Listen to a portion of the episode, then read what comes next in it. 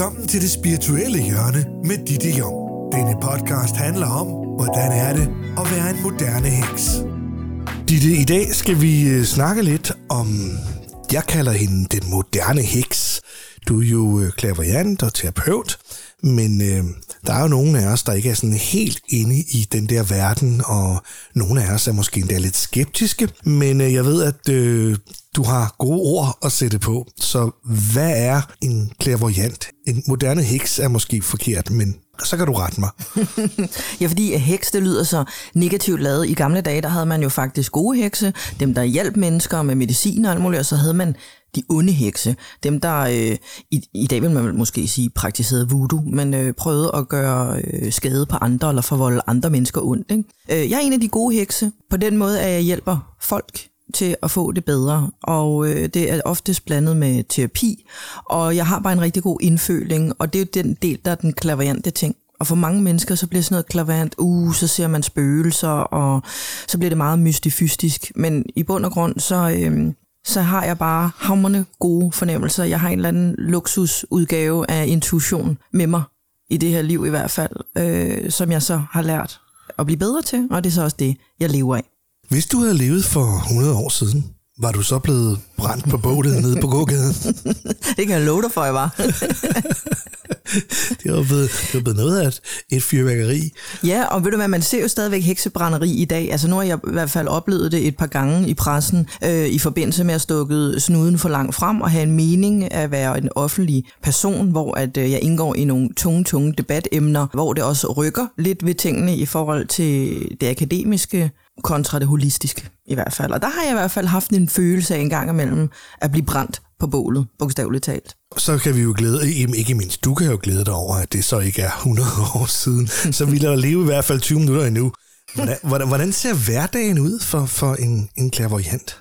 Jamen fuldstændig ligesom alle andre mennesker. Jeg har jo et øh, delebarn, og når jeg har ham, så er det jo så rutinepræget, som noget kan være. Og det er altså at stå op for ham i skole, øh, komme hjem, få lavet opgaver, lave aftensmad, lave en madpakke. Når jeg ikke har ham, så øh, hænger jeg ud med mine venner eller veninder. Elsker at gå på sushi-restauranter og drikke kold hvidvin. Gå til koncerter, når det kan lade sig gøre, og man ikke er i en covid-situation. Og se kultur og øh, kulturelle ting, seværdigheder, hvad end jeg kunne fylde mig op med. Gå i mit fitnesscenter. Jeg sidder ikke derhjemme og mediterer fem timer om dagen og har øh, bønder om halsen og, og røgelsespinde hjemme hos mig overhovedet, som mange måske vil tro. Så det du siger til mig, det er, at du i virkeligheden sådan et helt normalt menneske, som på langt de fleste parametre er helt ligesom alle os andre. Fuldstændig. Så har jeg jo bare fornemmelsen med mig hele tiden. Det er måske det, der gør det anderledes jeg kan jo ikke lade være at tænke på, hvis nu jeg har inviteret dig på date, og vi sidder her med en god middag, kan jeg så flytte og konversere med dig, som jeg ville med en hvilken som helst anden kvinde? Eller skal jeg være bange for, at du sidder og analyserer og, og bruger dine evner til at vurdere, om jeg er et godt parti, eller om jeg bliver kørt over en HT-bus i, i næste uge, så det kan ikke betale sig at tage på date nummer to? Altså, jeg vil sige det sådan her, når jeg holder fri, så holder jeg jo fri. Det er jo noget, jeg er gået på uddannelse for også at lære. For i sin tid, da jeg startede med at tage en uddannelse, det kan vi jo tale om senere hen i løbet af den her øh, podcast, øh, der havde jeg svært ved at lære at lukke ned. For mig er det jo essentielt, at jeg kan lukke ned, sådan så når jeg er fri, så får jeg ikke alle mulige informationer end mere. Øh, jeg tror, alle sammen i bund og grund, øh, der er på en date, eller møder mennesker, eller skal stifte nye bekendtskaber eller relationer, på en eller anden måde nok har antennerne ude. Man har altid et eller andet førstehåndsindtryk af et andet menneske. Er det klaverjant? Men hvis du spørger mig, så er det jo. Fordi man bruger sin intuition.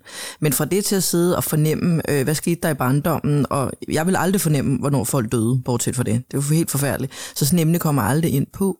Der er noget, der hedder øh, forudsigelser eller prækognitioner, og dem har jeg jo en gang imellem, hvor at jeg kan forudsige, hvis der sker et eller andet øh, frygteligt. Det gjorde jeg faktisk med min far her for to år siden. Men for det til at se, hvornår folk dør, eller hvad de dør af, det, øh, den evne har jeg gudskelov ikke, så det er ikke noget, som du skulle være bekymret for at komme ind på. Jeg tror, det er rigtig vigtigt at tale om det positive og være et positivt menneske, når man arbejder og har det ansvar, som man har, øh, når man skal hjælpe andre mennesker, så er det vigtigt, at det er ud fra en positiv vinkel. Nu hæftede jeg mig ved, at du sagde, at det var sådan noget, du havde lært. Og det får mig til at spørge dig om, jamen, kan alle lære at være klaverante, eller er det også en medfødt evne Altså alle kan lære det, ligesom alle kan lære at spille fodbold, og så er der nogen, der bliver udtaget til landsholdet. Alle kan lære at spille på klaver, og så er der nogen, der er Bach eller Mozart. Så jeg tror egentlig i bund og grund, at vi alle har evnen til at være intuitive, at være sansende, at være følsomme, at være empatiske. Det tror jeg, vi er født med. Men vi ser det hos børn hele tiden. De sympatigrader jo også, når der er et barn, der græder, så begynder den anden at hyle. Ikke? Øhm, men for det til at, at nå til et punkt, hvor som jeg så er en af dem, der er meget heldige at kunne se for eksempel, for eksempel tal, datoer, altså tal som i omsætningstal, datoer for, hvornår ting sker, navne på virksomheder.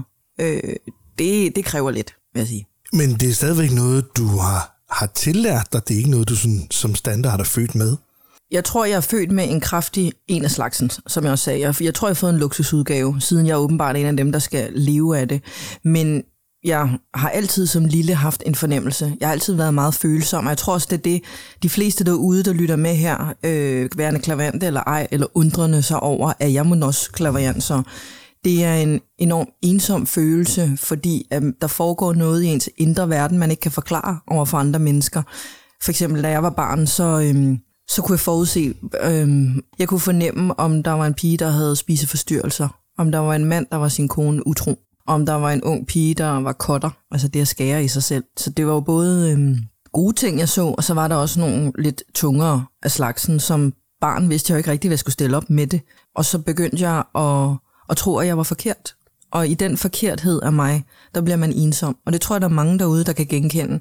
Og så det at være oversensitiv også, det er jo en del af det at være klaverant. Fordi hvis ikke du, kan, hvis ikke du har de lange antenner til at opsnappe det, andre mennesker ikke kan se, så kan du ikke praktisere klaverance. Men med de antenner kommer en overfølsomhed, en overfint følende evne på en eller anden måde, som gør, at man har let til tårer, at man bliver overtænkende som menneske, man på nogle punkter bliver overanalyserende også, og på den ene side på den anden side, og i 90% af tilfældene, indtil at man egentlig lærer at mestre det her, vil man altid pege fingrene ind mod sig selv og sige, Nå, det er også nok bare mig, der er noget galt med, eller det er nok bare mig, der må bide tænderne sammen. Det tror jeg altså, der er mange, der kan genkende, der lytter med her. Så hvis man nu har fornemmelsen i maven, at øh, man måske på det område her er en lille smule specielt, men man er ikke helt sikker på, om det bare er sådan, vi alle sammen har det, eller man føler sig lidt bedre øh, i, i, den, i den afdeling. Hvordan, hvordan kommer man så videre for ligesom at få bekræftet, at man, øh, at man har de evner? Altså, jeg valgte jo at tage en uddannelse hos hende, der hedder Gertrud Berlon. Hun er en af de første, der fik spiritisme og klavance til Danmark. Hun lever desværre ikke mere. Men der er mange inden for øh, den her holistiske branche, som udmærket godt ved, hvem Gertrud Berlon er, ligesom de ved, hvad Marion Damperdine også er. Og øh, det var sådan noget med at skulle til optagelsessamtale, og dem, der laver de seriøse uddannelser, laver også optagelsessamtaler, fordi en klavenceuddannelse tager fra et halvt til et helt år. Og da Gertrud tog mig ind, så beskriver hun jo så, at hun kan se, at jeg egentlig er rustet til det her mentalt set. Det er jo vigtigt, at man får sorteret folk fra, som er ikke grounded, eller som ligger på kanten til øh, psykisk sygdom, for eksempel. Altså, det nytter jo ikke noget, okay. at de skal ind og åbne mere op for noget, som kunne udmunde i worst case, for eksempel skizofreni. Ikke? For man begynder at høre stemmer. Man begynder at opfange noget, der ikke er der. Det er utrolig vigtigt, når man går i gang, at man kan skille. Skillende evnen er altafgørende inden for det her. Så jeg uddannede mig så på en, øh, på en uddannelse hos Gertrud, og der lærte jeg jo selvfølgelig at blive bedre, og jeg lærte også at lukke af. Og det var faktisk nok det vigtigste værktøj, Gertrud hun gav, gav mig dengang, det var netop, at jeg kan få lov til at være mig, som vi også talte om før. Når jeg så holder fri, så har jeg fri. Og nogle af de øh, øvelser, jeg lærte inde på uddannelsen, var fuldstændig fantastiske. Jeg bruger også mange af dem i dag, når jeg holder workshops eller kurser eller uddannelser. Og det er at, være, at sikre sig, at folk ikke er i stand til at lave kold læsning. Altså det vil sige bare være dygtig til at aflæse kropssprog med, mm, du kiggede til højre, det betyder det er det, eller mm, nu sidder du og nikker, så det er helt klart et ja. Så det var med at sidde og øve sig på klienter, hvor jeg ikke kunne se dem, hvor de var øh, bag mig for eksempel, eller bag gardinen, eller på genstande, altså for eksempel et smykke, øh, jeg havde i hånden, hvor at, øh, at der ikke var nogen feedback, når jeg var i gang før bagefter. Så bliver man altså skarp, når først man bliver kastet ud til nogle øvelser.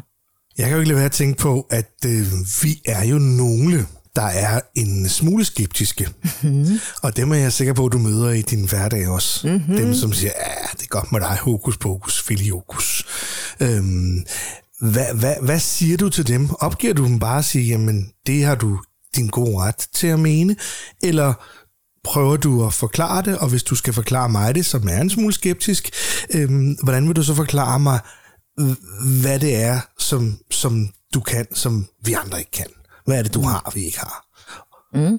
Jamen altså, øh, for at svare på det første spørgsmål, ja, når jeg møder skeptikere, for mange år siden gjorde jeg meget ud af at prøve at overbevise dem. Nu har jeg ledet det her i 21 år, nu gider jeg faktisk ikke at bruge mere krudt på at overbevise mennesker, men det vil altid være folks ret at have en mening, ligesom det er min ret, at jeg har det erhverv, jeg nu engang har. Og hvis andre folk har ekstrem modstand på det, så er der jo noget, de selv må kigge på, og det ville jeg ønske, de gjorde, i forhold til, hvad er det, der provokerer dig så meget?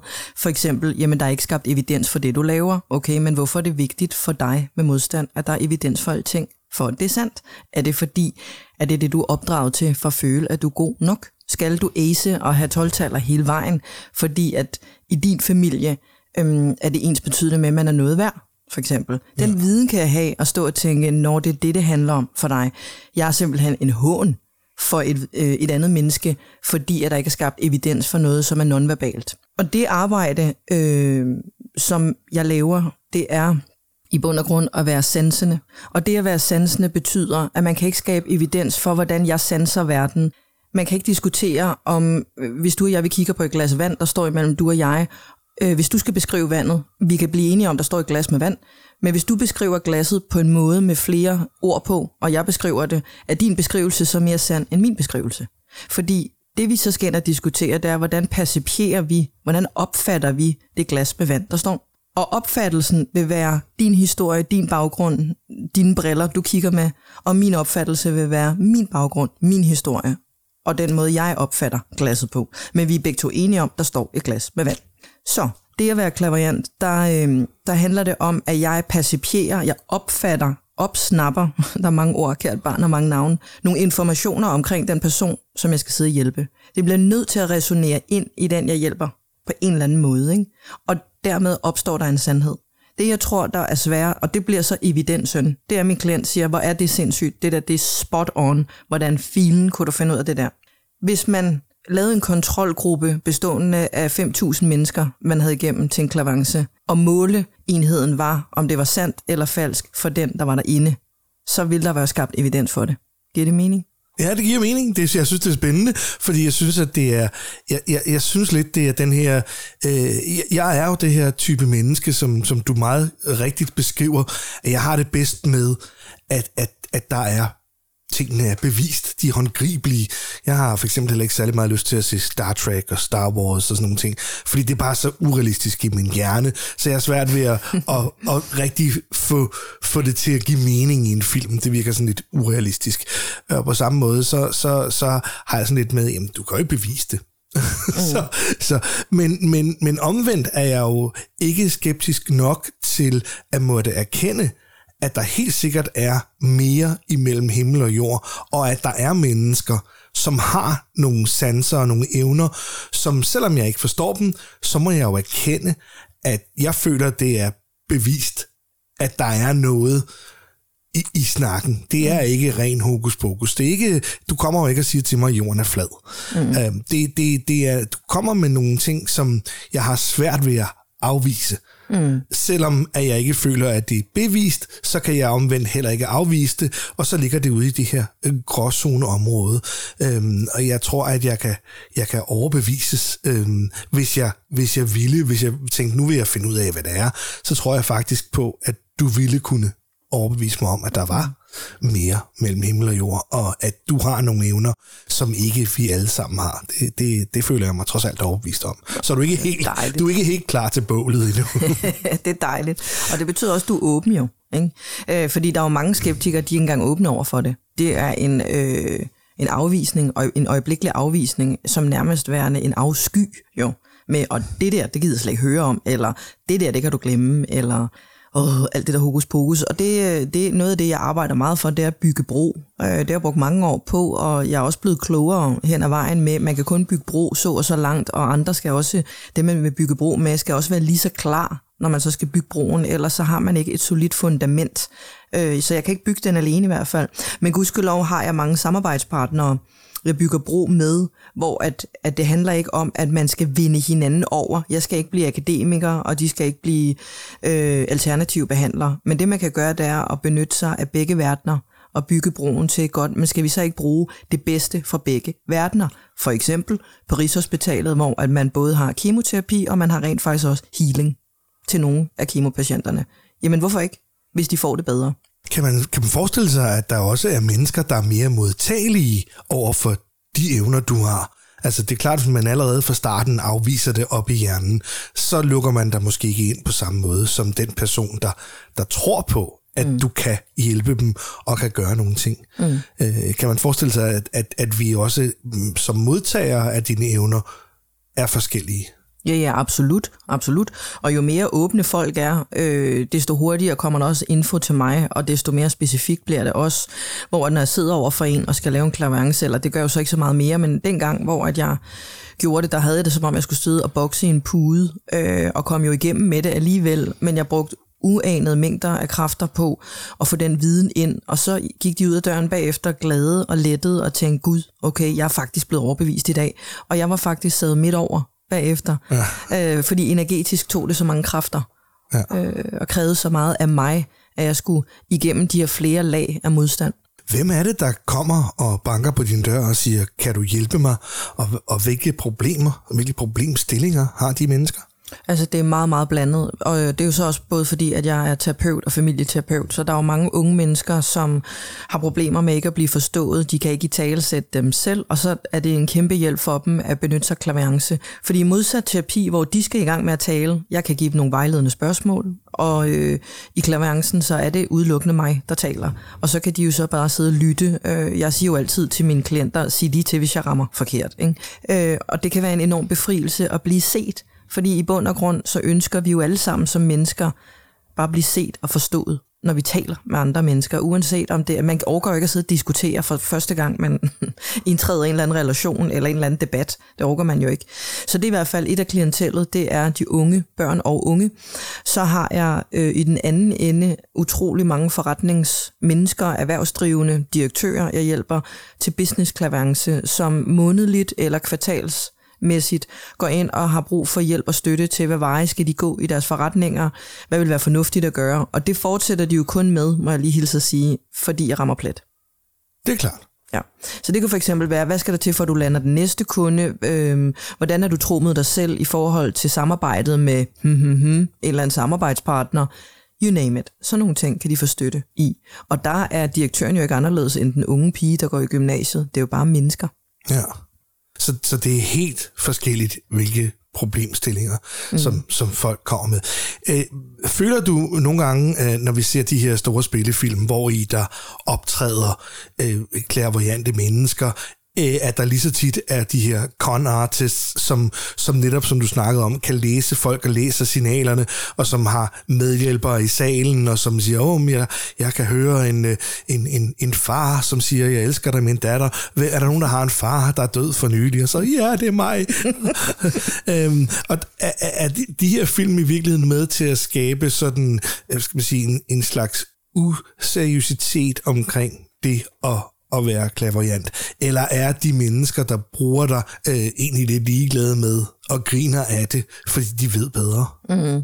Altså dem, der benytter sig af de dygtige klaverjante, de øh, kan jo godt se ret og vrang. Altså fordi når man, det er jo oplevelsesorienteret. Når man selv har prøvet at have en oplevelse med en rigtig dygtig klaverjant, der sidder i 60 minutter og, og plaprer øh, om alt fra kærlighedsparfor eller kærlighedslivet til det arbejdsmæssige, til relationen med børnene, familiemedlemmer, og ikke rammer forkert en eneste gang, så er det så hammerne overbevisende, så du kan tage de første 40 dårlige øh, soapserier, som på sin vis er øh, en lille smule kras i forhold til det her emne, og så vil det jo ikke gå ind på, fordi man selv havde haft en god oplevelse.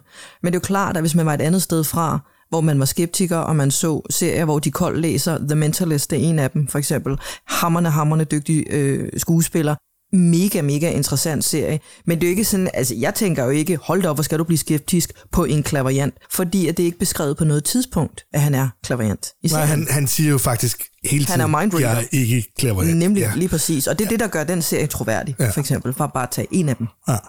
Jeg tænkte, at øh, vi har været rundt om emnet, mm. og øh, jeg tænkte, at vi skulle mødes igen og snakke lidt om øh, parforhold. Jeg har en masse gode spørgsmål til, øh, til parforhold. Jeg har også en masse andre ting, men øh, jeg synes, vi skal sige tak for i dag. Mm. Og så, øh, så høres vi ved lige om lidt øh, det sted, hvor du hører din podcast. Tak for nu. Tak fordi du lyttede med til det spirituelle hjørne med Ditte Jong. Du kan lytte til endnu flere podcasts om blandt andet dyrevelfærd på Ditte Young-portalen dittejong.dk-portal. Du kan også høre Dittes podcast på det sted, hvor du plejer at høre dine podcasts. Thank you.